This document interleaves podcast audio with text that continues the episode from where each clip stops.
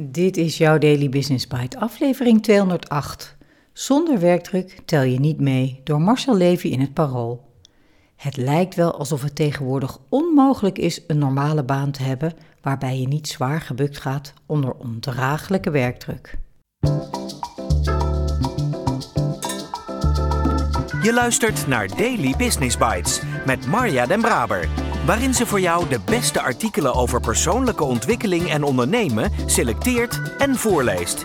Elke dag in minder dan 10 minuten.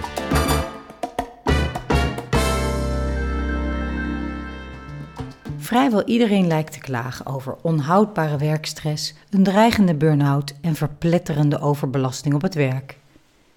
Werkdruk kan ik me prima voorstellen bij verpleegkundigen of politieagenten.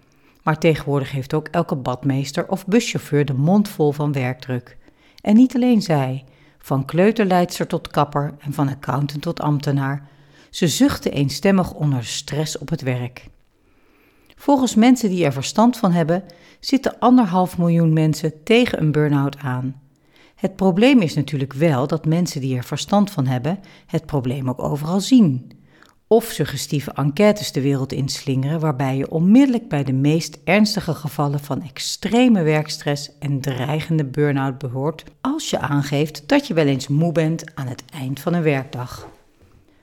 Daarmee bagatelliseer ik het probleem natuurlijk, want vooral psychologische overbelasting door werk komt vaak voor. Jaarlijks verzuimen werknemers in Nederland 11 miljoen dagen als gevolg van werkstress en dat kost werkgevers een kleine 3 miljard euro. Waar komt al deze druk toch vandaan?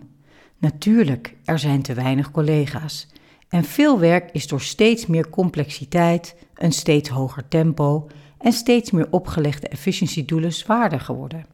Daarnaast lopen werk en privé vaker door elkaar. Je neemt werk mee naar huis, bent continu bereikbaar en smartphone en e-mail stoppen nooit. Ik denk ook wel eens dat het niet zozeer werkdruk is, maar vooral gebrek aan controle over hoe je je werk het meest plezierig doet, in welk tempo je dingen afhandelt en dat je gedwongen wordt om mogelijke systemen te gebruiken en zinloze administratieve klusjes erbij te doen. Of zijn we misschien zelf minder weerbaar geworden en gewoon niet meer bereid moeten worden van ons werk naast alle andere dingen die we willen doen? Er zijn natuurlijk ook mensen die goed gedijen bij een bepaalde mate van werkdruk, omdat het hen stimuleert en naar een hoger niveau stuwt maar daar hoor je niet vaak over.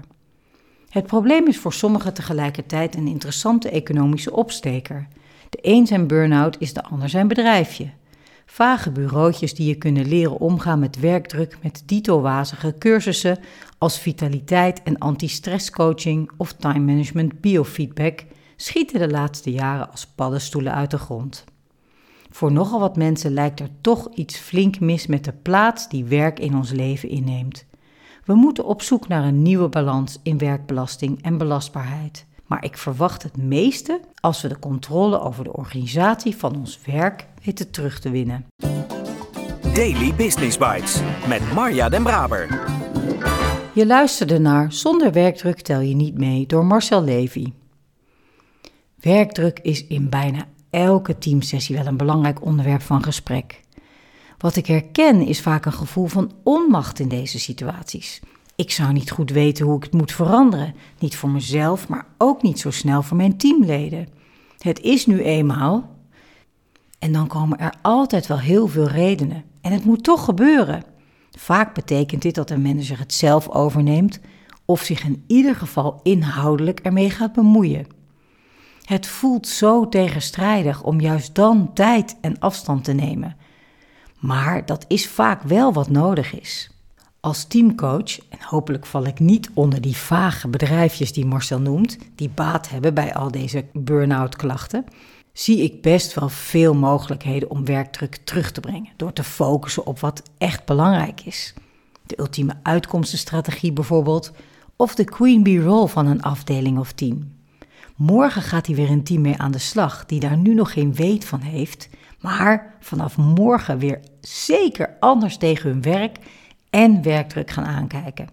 Onmogelijke oefeningen en vragen zijn het soms, maar daardoor wel leuk en effectief.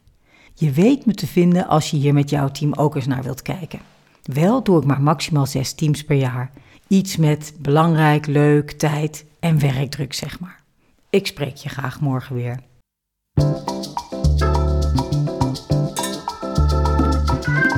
Was Daily Business Bites.